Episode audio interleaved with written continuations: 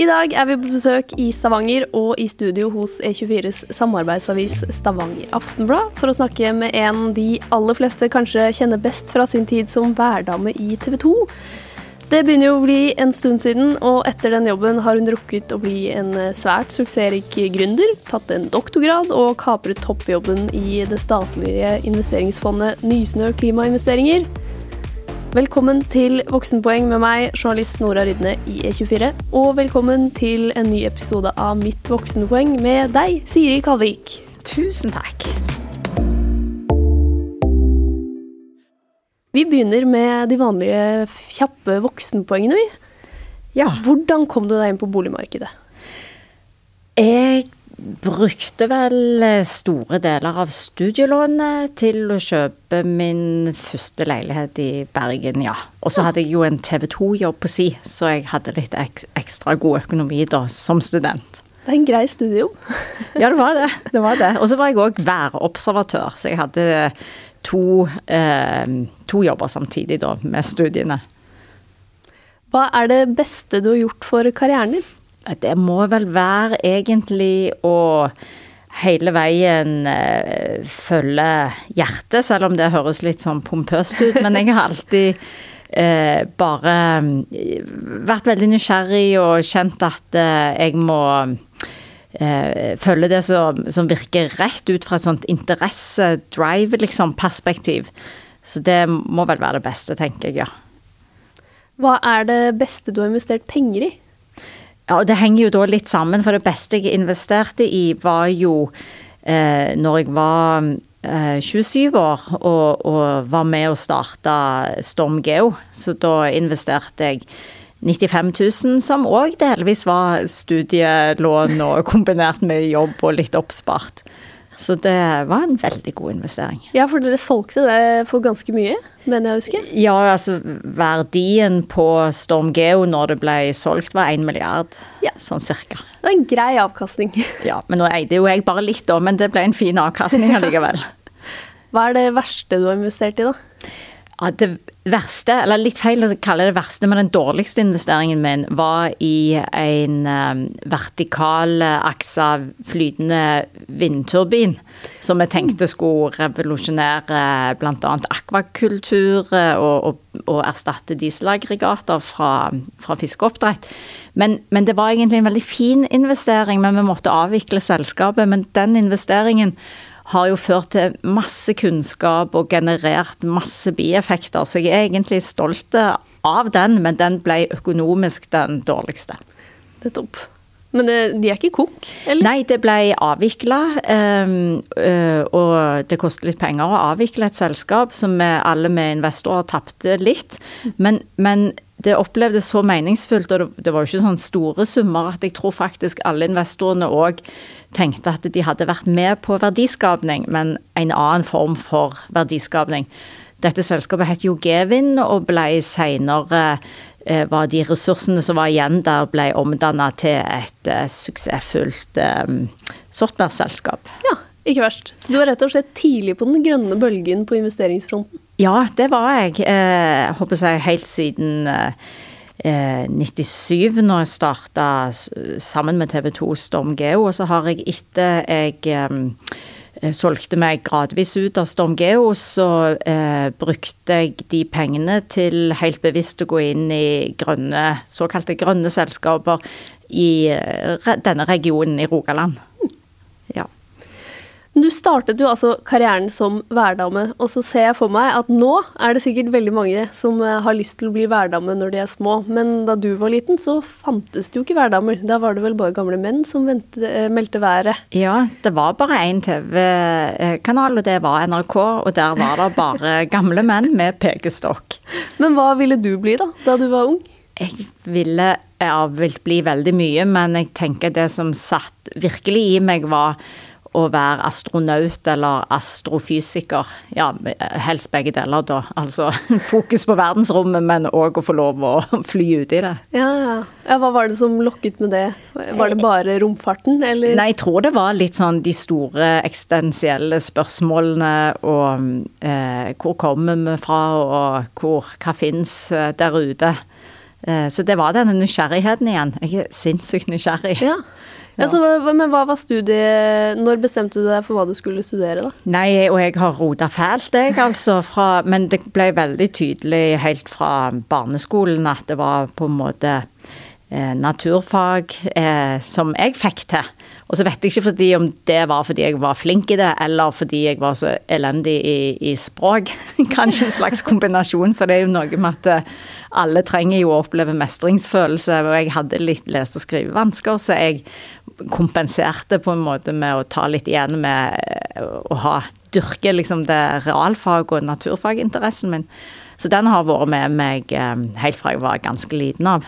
Ja. Og så valgte jeg da, mm, etter mye om og men, jeg, jeg tror jeg har, var jo innom eh, fysikk, astrofysikk, kjemi, informatikk, eh, jeg snuste på ganske mye på, på universitetsnivå da. Og så ble det til slutt eh, geofysikk med en spesialisering innenfor meteorologi. Nettopp. Ja, så du, du var student da du fant ut at det var meteorologi som Ja, det, men da, var jeg, eh, da hadde jeg tatt det. Det het jo hovedfag den gangen, så da eh, Det var jo de to siste årene vi liksom spesialiserte oss, så det var geofysikk jeg studerte. Ja, nettopp. Ja. Ja, for hvor mange år studerte du? Nei, nå hørtes det ut som jeg hadde Ja. studert i en evighet, og det har jeg jo òg hvis vi legger på den doktorgraden, men den kom jo mye seinere. Men nei, det var sånn vanlig hoved, eh, hovedfag, eh, fem år. Men så tror jeg jeg, både fordi jeg hadde en del ekstrajobber og fordi at jeg prøvde litt i starten, så, så rota jeg litt de første årene, så at jeg studerte vel i en seks år da. Det er ikke så ille. Nei, det er ikke skalde. Det er nei. mange som ser lenger enn det. Ja, og det si det må sånn. ikke folk være redde for, tenker jeg. For det er så vanskelig å finne ut hva en vil bli. Ja. Og det er nesten ingen som har, har eh, det klart for seg. Du må liksom eh, prøve og feile litt, tror jeg, før en finner veien sin. Men hva tenkte du at du skulle bli da, da du fant uh, meteorologi? Ja, nei, da eh, Da ville jeg bare, eh, som jeg nevnte, det var litt astrofysikk og litt i Litt etter vitenskap kombinert med mystikk som, som alltid har appellert meg. Litt sånn de uforklarlige tingene og eh, og, og så ble det kanskje litt vel svevende. Da ble jeg litt pragmatisk og tenkte men hva i all verden skal jeg jobbe med? Så eh, geofysikk ble iallfall litt mer ned på jorden, men fortsatt en del mysterier og fortsatt mye spennende.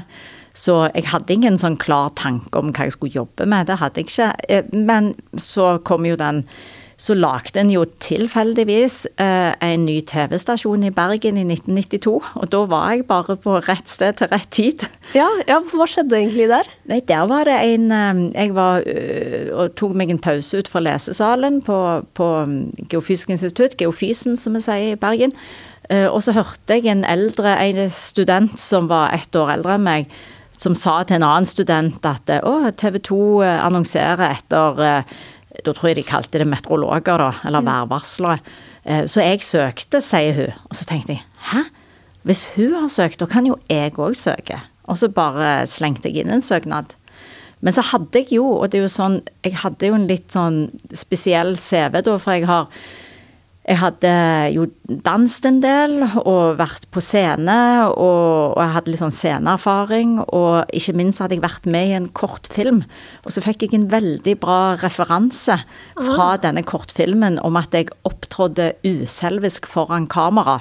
Jeg, vet knapt i dag hva det betyr. Nei, ikke Men jeg, jeg tror liksom det at jeg eh, studerte Da hadde jeg ikke spesialisert meg innenfor meteorologi heller, men at jeg studerte geofysikk kombinert med dans og den her kortfilmen, gjorde at de syntes jeg var litt interessant, da. Så tok de meg inn på intervju.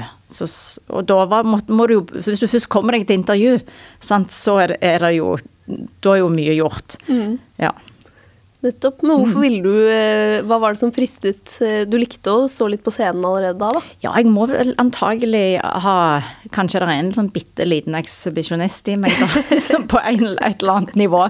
Eh, Ikke sånn usympatisk, håper jeg, men at jeg, jeg Men jeg tror det handler jo om òg å få lov å uttrykke noe og formidle noe. At det er det som egentlig ligger bak den drivkraften. Ja, jeg må ta tilbake det eks, ekshibisjonistiske. For jeg tror òg at både når det gjelder dans og, og film, da, så handler det jo om at du har lyst til å formidle et eller annet du bærer på.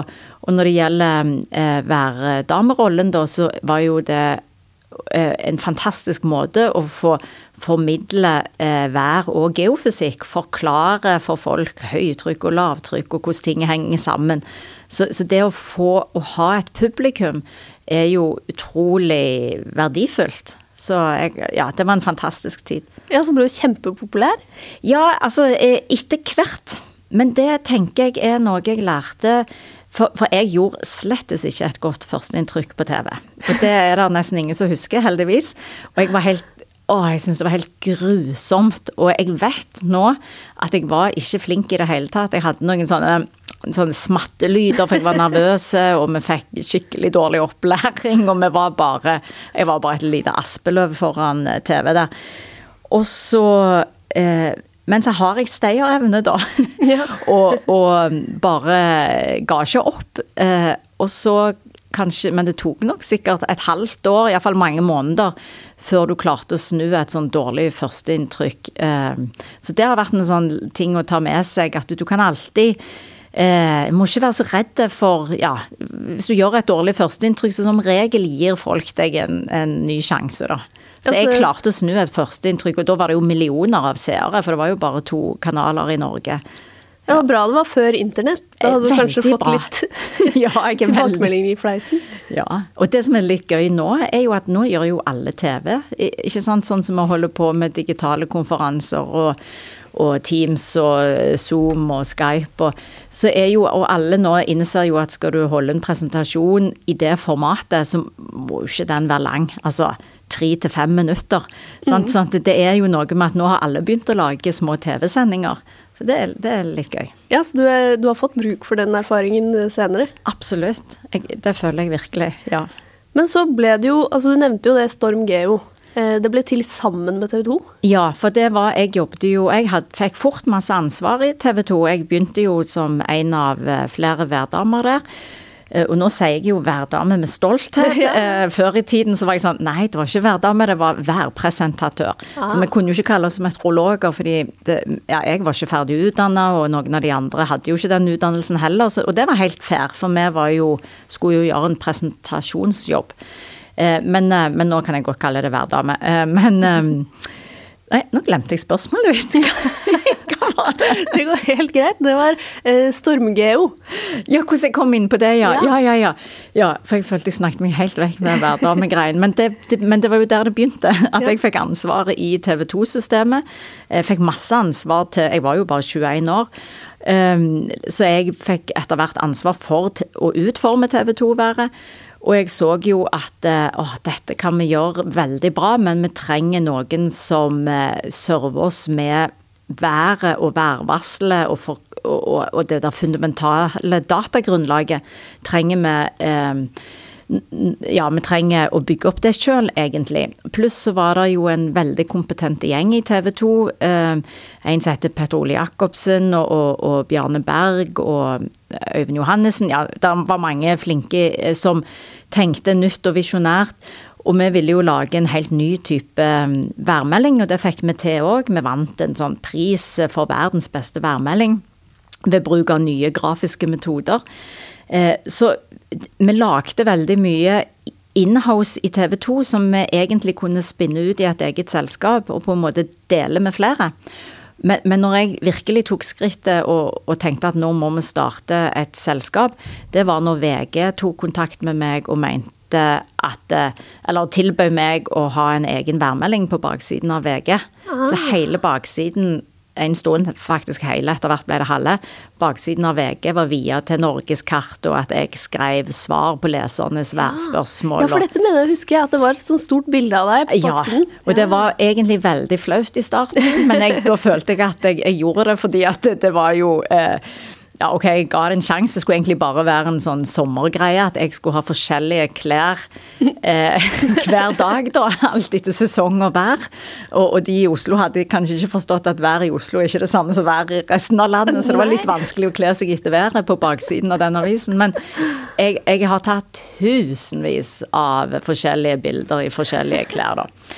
Og så eh, Men det ble jo en veldig Jeg fikk jo Ble jo tilbudt eh, en ganske god Et ganske godt, eh, godt betalt jobb, det der, da. Og mm. den kunne jo jeg tatt som en sånn personlig eh, jobb. Men istedenfor så sier jeg OK, dette skal jeg gjøre, men da må dere kjøpe den tjenesten av et selskap som eh, vi nå lager sammen med TV 2. Og så var TV 2 òg enig i at de kjøpte da en fiksferdig værmelding fra dette nye selskapet som het Storm Weather Center. Så da hadde vi to kunder fra dag én, altså TV 2 og VG. Så ut fra det ståstedet så lagde vi eh, bygde vi dette selskapet, som nå har Jeg tror det er Ja, nå husker jeg ikke helt, men det er 20 kontorer i forskjellige land og, og 400 ansatte. Og, så det ble et globalt ledende værselskap, det, som vi starta som et utspring fra TV 2. Eh, du fikk jo da mye eh, ansvar som 21-åring i TV 2. Ja. Hvorfor det?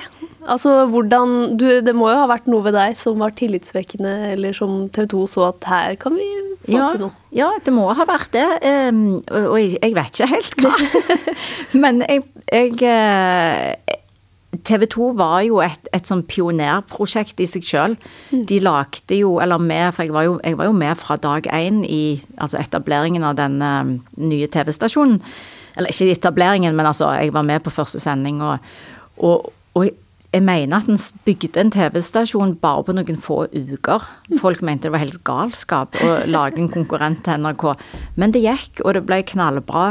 Og jeg tror at den der eh, pionerånden og den der stemningen som var i TV 2-korridorene på, på, det tidspunktet, har jeg liksom hatt med meg eh, siden. Og, derfor, og, det har gitt meg en Jeg har tørt å gjøre, eh, gjøre mye som, ja, som, som har vært litt sånn ambisiøst. Men det tror jeg har takket være den TV 2-tiden. Ja, for det er jo ikke hvem som helst som bare kommer på at eh, nei, skulle vi lagt, lagd en egen tjeneste, et selskap som vi kan selge det fra? Det nei, nei, og i, i, alle fall ikke da. Da var det jo òg Det var jo ingen som Vi kalt, snakket jo ikke om det liksom at gründere var viktige og skulle stimuleres. Det var jo Dette var Da fantes liksom ikke sånne akseleratorer og startup-programmer på den tiden.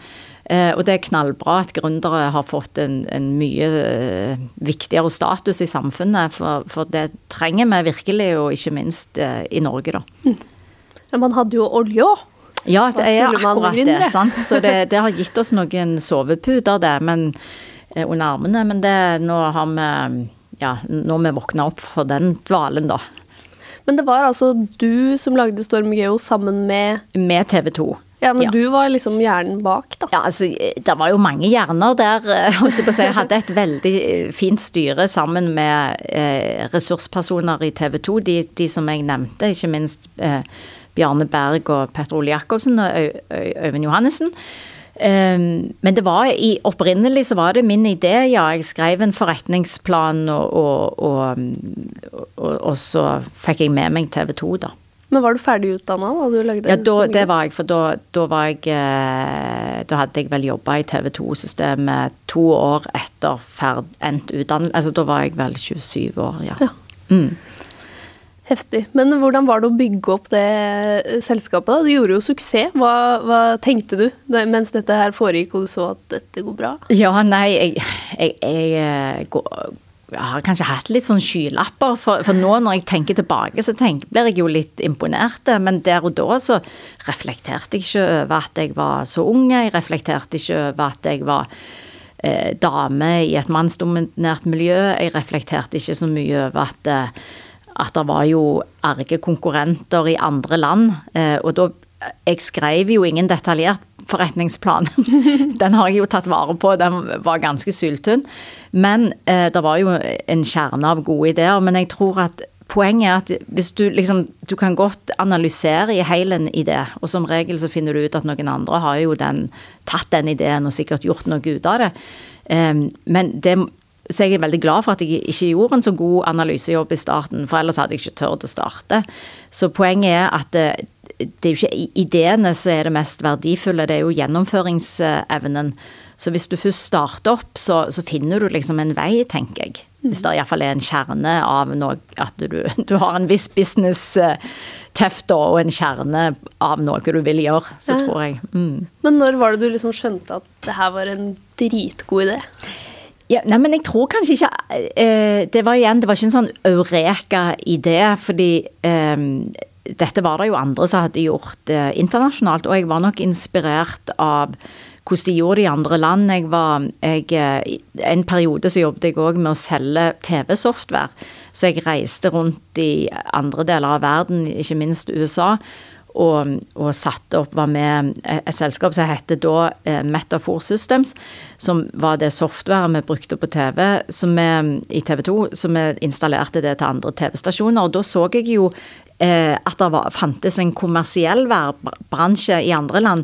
Den trengte ikke være I Norge var, var, det jo et monopol. Det var jo Meteorologisk institutt som gjorde alt som hadde med vær å gjøre. Så eh, TV 2 brøt jo et monopol når de, eh, de starta TV 2. Og TV 2 og meg sammen da brøt jo et monopol når vi starta Storm Weather Center. Mm. Ja, for Du nevnte jo mannsdominert bransje, og TV 2 eh, var du også i. Kjente du aldri på noe sånn Du ble aldri jekka ned eller fikk noe uh, beskjed fra uh, de gamle mennene om at uh...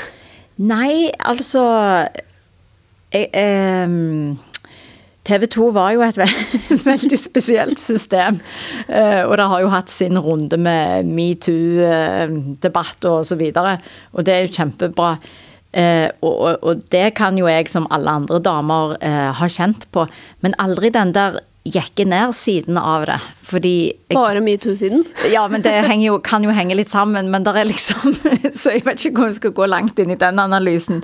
Men, men eh, jeg har alltid bare um, opplevd at det er en fordel å være eh, kvinne i et mannsdominert miljø. Eller jeg har iallfall snudd det om til en fordel. For som regel så er det jo en fordel å, å ha en en edge, da. Det er jo synd at det skal være en edge å være dame i et mannsdominert miljø, men, men, men, sånn har det jo vært til tider. Og så er det gjerne et ønske egentlig om å få til mer diversifisert arbeidsliv, så da, da er jo det en slags konkurransefortrinn en har det, da. Mm. Jeg har noen tips til andre i mannsdominerte bransjer? Plukka du opp noen teknikker for å ja, holde men jeg, og, jeg, og det har jeg grubla ved. For jeg eh, fendra av litt sånn metoo-ting med litt sånn humor og bare fleipa litt og gikk videre og gadd ikke bry meg. Men ærlig talt, det vil jeg ikke Jeg vil ikke løfte det fram som For det var kanskje litt lettvint måte å håndtere det på for, eh, for min side, da. Eh, og kanskje ikke så veldig solidarisk, så jeg, jeg syns det er helt fantastisk at det er noen damer som har virkelig gått i bresjen og, og, problematisert det som skjer i, eller har skjedd i stor grad i alle mannsdominerte miljøer med damer. Så, så Nei, det er jo bare øh, kjenne på Altså, en skal ikke finne seg i ting. Og så er det forskjellige måter å håndtere det på, da. Altså satt ned foten mer? Ja, og jeg, jeg, jeg satte ned foten, men jeg gjorde det litt sånn humoristisk. Mm. Eh, men, men jeg men det, verden kommer kanskje ikke framover av den grunn, så jeg, jeg all honnør til de damene som eh, har, har eh, varsla ordentlig, da. Ja. Eh, siden det handler mye om sånne ting som har skjedd langt tilbake i historien, så har jeg valgt å ikke fortelle om noe av det. Og så er det med en sånn bismak, for jeg føler meg bitte litt sånn feig. Og det er derfor jeg òg i samme åndedrag vil si at uh, gi honnør til de damene som har tatt den kampen. Men for meg så, så føltes det liksom for 20 år siden, eller Ja, det, det, ble, det ble, litt feil. Uh, ja. Men du var glad da det ble rydda opp? Ja, ja. Eh, ja jeg syns det er helt fantastisk, den metoo-bevegelsen. Den tror jeg virkelig har røska opp og, og beveget verden videre i en riktig retning. Er det noe du har tatt med deg inn i lederjobber senere? Eh, har det påvirket hvordan du leder eller bygger opp et team? Det var jo et godt spørsmål. Nei, men jeg, jeg tenker jo alltid på det å sette sammen et diversifisert team, altså ha, ha et team som komplementerer hverandre, som er veldig ulike. For hvis, hvis, du har folk som tenker forskjellig og har forskjellige styrker og svakheter, så kan det av og til bli mer komplisert, men, men, jeg tror unikt på at det da blir liksom to pluss to blir ikke fire, da. Det blir enda mer hvis du setter sammen forskjellige ja, kvaliteter. Og ja, et farverikt fellesskap. Vi har jo eh, tabbespalten vår her i Mitt eh, voksenpoeng, eh, Siri. Hva er den største tabben du har gjort i karrieren?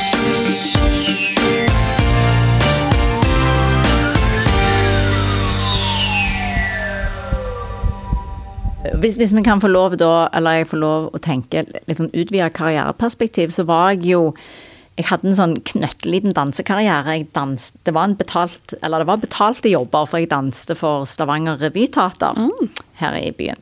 Uh, og en gang så skulle Jeg var da sånn sparkepike bak de som sang, og, og da var sangen 'Ta, ta en potet', uh, hvor vi skulle liksom vippe opp skjørtene og og så var det veldig raske klesskift. Uh, og, og, da dro jeg på meg en sånn tynn, gjennomsiktig strømpebukse, og så glemte jeg trusen.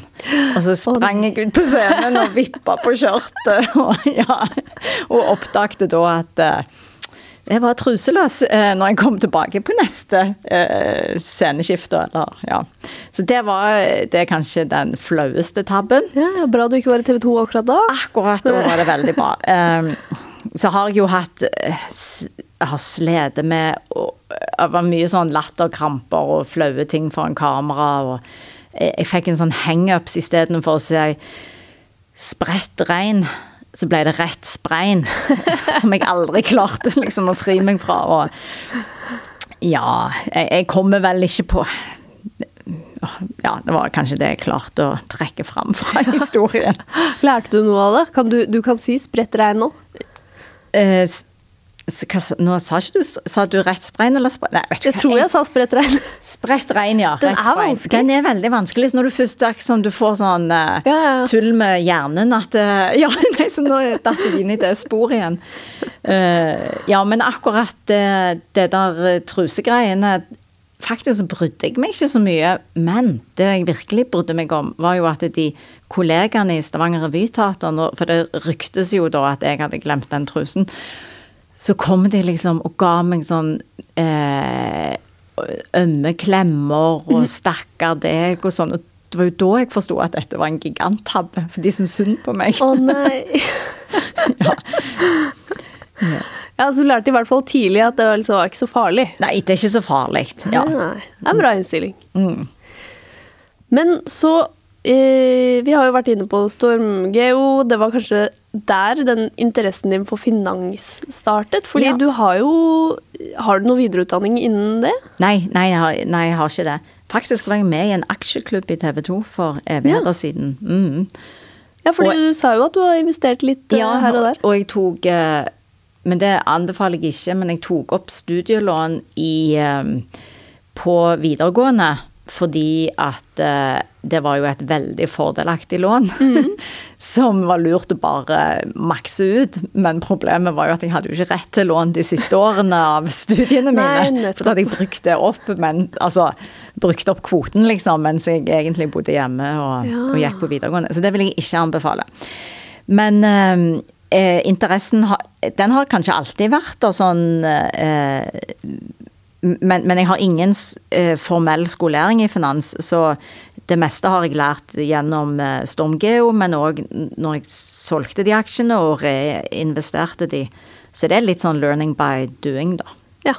Mm. Men da, var det da du liksom ble interessert i å se hvordan markedet fungerer og ja, eh, men jeg er jo ikke Det er jo veldig forskjell på å jobbe der som eh, Nysnø jobber nå med unoterte aksjer og se eh, Være med å lage verdier veldig tidlig.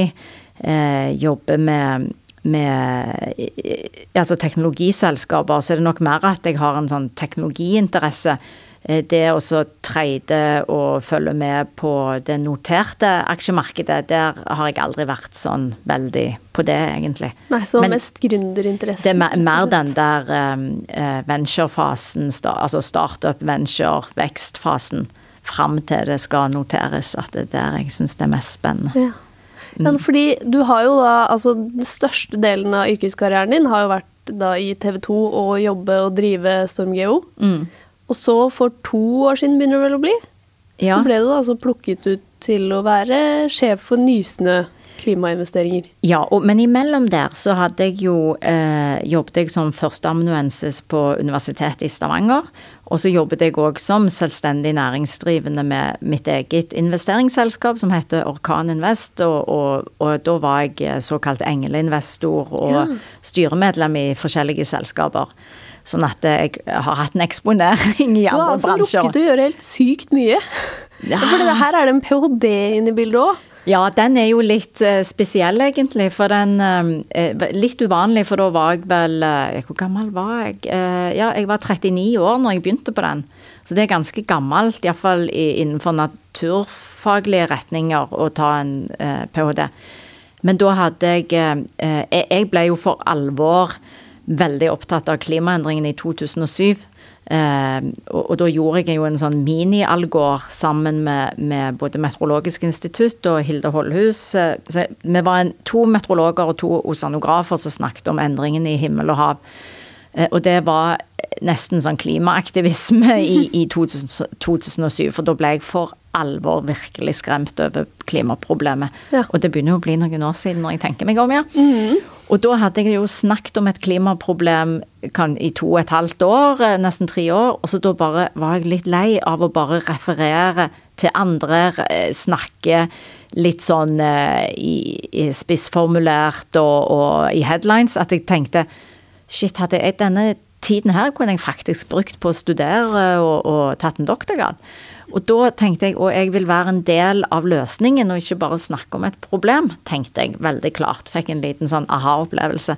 Så da søkte jeg meg til, til Universitetet i Stavanger og tok en eh, Men eh, det var en såkalt nærings-ph.d., så jeg var fortsatt ansatt i Storm Geo. Det er en kjempebra tips til bedrifter der ute, er jo å undersøke dette som heter nærings-ph.d. Ja, send folk tilbake på skolen. Ja, eh, og iallfall nå når det er litt sånn eh, vanskelig i andre i noen markeder. Eh, og, og det er en fantastisk måte å omskolere folk på. Men, men det, det er samme krav som til en vanlig ph.d., men den er delvis finansiert fra en bedrift som du er ansatt i, og fra Forskningsrådet. Så jeg tok en sånn, sånn doktorgrad, da, så det, den har samme status eh, på gjennomføring og alt, men det er liksom finansieringen som er litt annerledes. Ja. Og, så, og da tok jeg, eh, studerte jeg eh, offshore vindteknologi. For um, dette var vel i 2009, ja.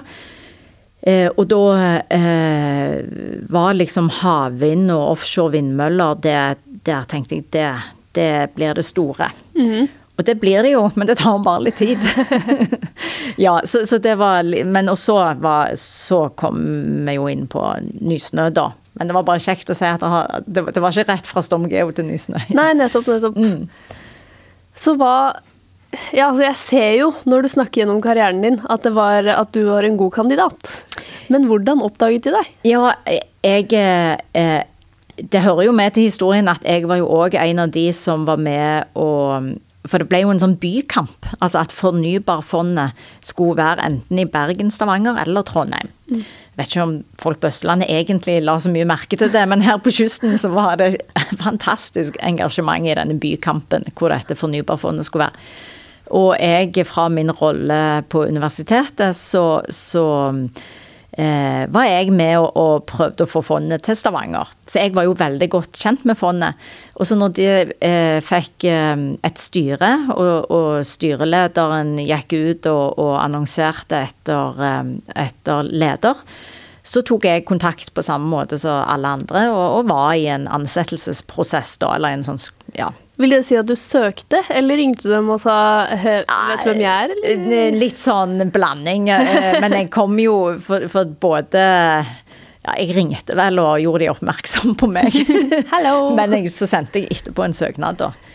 Så jeg var jo en del av ja, en, en stor uh, søknadsprosess. Så du headhunta deg selv? Ja, på en måte.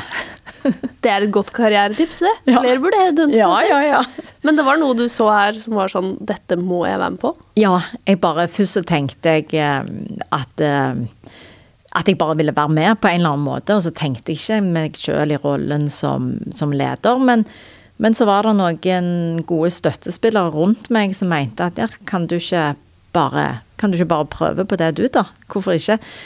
Og så, For jeg tenkte at jeg gjerne hadde litt for li... Altså jeg var ikke den typiske finansdamen. At jeg sikkert burde hatt mer sånn skolert finansbakgrunn. Men så tror jeg nettopp at, eh, at eh, den teknologiske bakgrunnen min og klimainteressen og mediebakgrunnen er òg veldig viktig. Og så har jeg heldigvis fått ansatt sinnssykt flinke folk med den rette finanserfaringen. Og det har jo òg vært veldig viktig for meg eh, helt fra jeg starta i TV 2 og hadde ansvar der, og Storm Geo. Og det er jo å, å ansette eller omgi meg med medarbeidere som rett og slett er flinkere enn deg sjøl. Veldig viktig. Så det er et ja, viktig tips. Ja, for du eh, har jo leda ganske mye og vært veldig sånn pådriver. Eh, likte du Hadde du sånn ledertalent tidlig, eller var det bare noe som skjedde? Nei, jeg var aldri sånn elevrådsformann eller noe sånt. Nei, jeg tror egentlig ikke. Jeg tror jeg er en ganske sånn eh, litt annerledes leder som leder nok best små team, tenker jeg. Eh, jeg er ikke en sånn typisk driftsperson, jeg er mer en som liker å starte ting. Ja, du er en klassisk, klassisk gründer som blir kasta ut av selskapet med en gang det går bra? Eh, det, ja, det kan du godt si. men, eh, men, i Storm Geo-settingen da, så ville jeg jo trappe ned òg, for jeg så jo at Og jeg leda det bare veldig helt i starten. Og så gikk jeg Eh, helt planlagt ned i forskjellige roller i selskapet. Så jeg hadde jo en sånn omvendt karrierestige i StormG, og jeg begynte som CEO. Så ble jeg markedssjef, så ble jeg eh, produktsjef, et, og så etter hvert så havna jeg som en stipendiat i utviklingsavdelingen. så da men du skal være lenge i Nysnø, eller er det også jeg litt sånn det. Ja. jeg håper virkelig det. Ja, jeg får se hva jeg får lov til. Ja. Men for, det er altså e, et fantastisk eh, oppdrag. Ja. Og, og mm, der er som Vi er en gjeng, nå er vi ti stykker, utrolig flinke folk. Og, og vi opplever at vi har et eh, enormt meningsfullt jobb. Veldig vanskelig jobb òg, fordi at vi skal jo både Eh, få ned de globale klimagassutslippene og skape lønnsomhet og skape eh, ringvirkninger og nye arbeidsplasser i Norge. Så, så det er veldig ambisiøst, men vi er på god vei. Men du har jo da Altså, trivdes du som toppleder? Du var jo toppleder en liten stund i StormGeo, og nå er du jo da helt på toppen av et statlig investeringsfond? Ja, ja men, det, men jeg, det, jeg, føler meg jo ikke som noen toppleder, for det tenker jeg er mer sånn store konsern og liksom tusenvis av ansatte. Jeg har jo bare leda bitte små team, egentlig. Eh, og Nysnø er jo fortsatt et, et lite eh, team, så jeg er jo best på eh, sånn tidlig Altså starte opp ting. Nybrottsarbeid. Hva tror du gjør deg god til det? Uh, ja det, Nei, jeg, det, jeg vet rett og slett ikke. Jeg, jeg, jeg, tror det handler om at jeg at jeg har en eller annen teft som jeg eh, lytter, Altså, jeg lytter veldig til jeg, jeg, tror jeg fanger opp masse signaler. Jeg tror jeg kan klare å tolke en tidsånd eh, før andre, ofte. Eh, men det blir av og til veldig Mange ganger er det vanskelig å forklare det, for det er ofte at det er litt sånn altså jeg, skal ikke si at jeg leder på intuisjon, eller at dette handler om intuisjon. For det, jeg tror òg intuisjon er egentlig noe som er ganske fysisk og forklarbart, det er bare at vi, vi forstår det ikke helt hvordan det virker. Så ja. Det ble kanskje var ikke helt godt svart. Men jeg tror jeg, tror ikke, jeg, tror jeg må stoppe meg sjøl, ellers roer jeg meg inn. Jeg tipper det er mange ledere som ikke helt vet, eh, men det funker. Ja, jeg, jeg tror det må være noe sånn. Ingen som har kasta deg ut av noen lederstilling ennå, så det jo, lover jo godt, det. Ja, Men jeg har jo, det er jo noen sånne tips, eller det er jo noen sånne ting som som er viktig for meg òg som leder, da. Eh, og da blant annet så var det jo det jeg sier med å omgi deg med folk som er flinkere enn deg sjøl. Og for å kunne gjøre det, så tror jeg du må ha en sånn fundamental trygghet i deg sjøl. Altså du, du, må tåle liksom å ja, og, være forbigått intellektuelt eh, av og til. Og det er helt greit. Helt supert. Vi har jo samme målet. Så det, så det er veldig viktig. Og så har vi jo vært inne på dette med å bygge team som utfyller hverandre. Så det kan jo av og til være mer utfordrende å lede en sammensatt gjeng. Men jeg tror at du etter hvert får det beste resultatet da. Og så så, så, tror jeg òg at jeg er ikke redd for konfrontasjoner. Jeg hater den der når du kjenner at det er noe som åh, ligger og ulmer, den der magefølelsen. Da, da rydder jeg stort sett opp i det med en gang, da. Så det tror jeg. Og så, tror jeg det der med tidsånden, eller jeg vet ikke hva jeg skal kalle det, men du må liksom som leder evne å se rundt neste sving, da. Altså prøve å liksom rigge oss for neste skritt. Eh, og, og, gjerne se problemene før problemene kommer.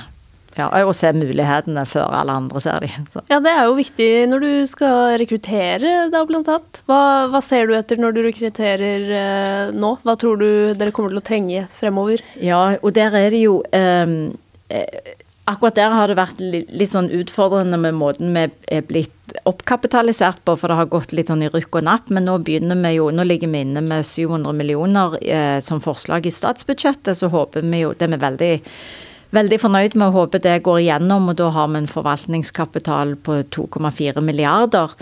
Og da eh, begynner vi jo å få en størrelse og en substans som gjør at det er mye lettere å bygge organisasjonen òg. Eh, og så er utfordringen da at vi ikke helt vet hvor store vi skal bli framover. Så jeg eh, prøver å holde igjen organisasjonen før jeg vet kapitalen, da. Og det gjør jo at du får litt sånn utfordrende faser, for du vil jo da bli enormt travelt for de som, de som er der, før vi får den tryggheten på kapitalen og kan rekruttere. Så, men, men, jeg ser jo generelt, jeg tror det er enormt viktig at du har den der gnisten og driven fra, som kommer innenfra. Ehm, for eh, vi har jo fått et viktig samfunnsoppdrag. Vi er en respons på Parisavtalen. Og jeg tror òg generelt det er, er både enklere å lede og kjekkere å jobbe for folk i selskaper som har et så tydelig samfunnsoppdrag. Vi føler liksom Hver dag du våkner, så føler du at du gjør noe nyttig for verden. Og så vi må ha rekruttere folk som kjenner, har den der indre driven og motivasjonen. Du har jo mye kunnskap om det markedet her, og vært deg selv og har litt intuisjon. Og nå er jo grønne aksjer og selskaper og næringer veldig inn. Har du noe feeling på eh, hva som kommer til å lykkes? Ja, ja. det håper jeg jo. Og ikke minst at investeringsteamet mitt har det. Og det har vi jo. Jeg syns vi har gjort noen kjempespennende investeringer. Ehm, men framover så, så, ser vi jo at det vi syns var spennende, og som vi investerte i for, eh, ja, for ca. to år siden, nå har jo flere fått øynene opp for det, og det er knallbra. For det er jo nemlig litt av rollen som en statlig investor, er at vi skal mobilisere privatkapital. Vi skal ikke fortrenge den. Så vi har jo òg spesielle retningslinjer for å investere som private aktører ikke har. Sånn at vi må alltid ha med oss private investorer. Ja. Så det som den der eh, nye given mot eh, klima og ESG er jo fantastisk, men jeg tror at nå litt sånn acid light, eh, digitale forretningsmodeller er jo veldig populært nå, men, men litt de der tyngre løftene, litt sånn og du kan kalle det sånn deep, carb, deep decarbonization. Altså få industri, lage miljøvennlig sement, eh, få til lagring, få til eh, hydrogensamfunnet. De liksom tyngre tingene. Eh, der tror jeg det kommer masse spennende muligheter, men der er det jo veldig stor risiko. Men det er jo noe jeg tror vi må òg se veldig nøye på framover.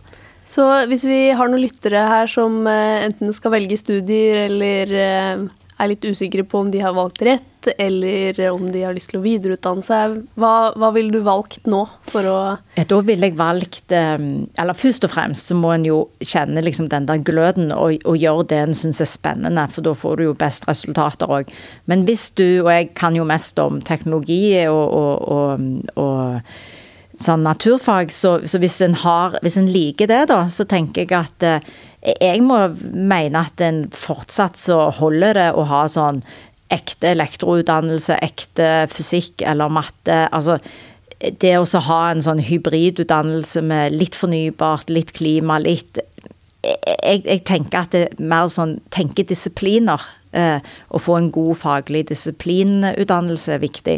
Og så tror jeg eh, noe som jeg syns er veldig spennende og veldig skummelt, er jo det som skjer med, med AI og sosiale medier. Og vi er jo connecta sammen med den mobiltelefonen i lommen, så er vi jo alle dataene er ikke i skyen, men til og med vi er jo i skyen med alle våre følelser og behov og mm. Så eh, så det å koble etikk og filosofi eh, inn i eh, data science og, og, programmering, altså datateknologi og informatikk, det er et felt jeg syns er utrolig spennende, og der er det nødt til å skje noe. For det kan jo ikke fortsette på den måten det gjør nå med de algoritmene som av og til virker som de styrer oss mot en verre verden. Jeg, jeg tenker at vi må finne på noe en ny måte å, å bruke sosiale medier på. Det er sikkert godt uh, å høre for mange at de tradisjonelle utdannelsene ikke er bortkasta, og at alle må kaste seg på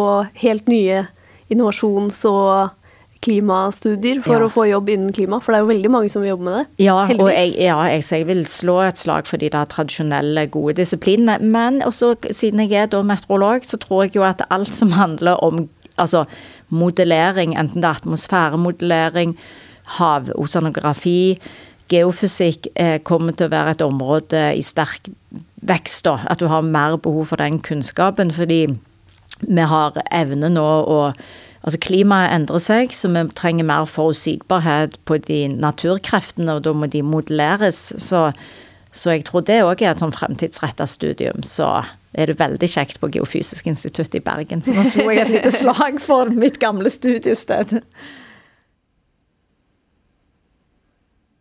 Vi har eh, et siste fast spørsmål her i Mitt voksenpoeng. Hvis du kunne reise tilbake i tid og gi et råd til 20 år gamle Siri, hva ville det vært? Ja, og det var veldig søtt spørsmål. Det ble nesten litt, litt sånn melankos.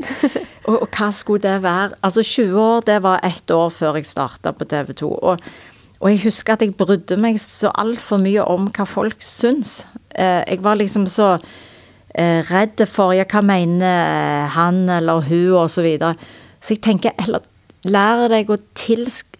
Folk flest har, gjør jo ting i beste mening, og folk flest Altså, tilskriv folk de beste intensjoner, og så bare ikke bry deg så mye om det er et dårlig førsteinntrykk, eller om du driter deg litt ut, så. Det, det meste går bra. Ja. Ok, Så hvis jeg skal oppsummere din, eh, de tingene du har gjort riktig i karrieren, så blir det jo eh, det rådet du ville gitt deg selv. At du greide jo det etter hvert. Og ja. ikke bry deg så mye, og kjøre litt på med de ideene. Ha litt mm. tro på egne ideer.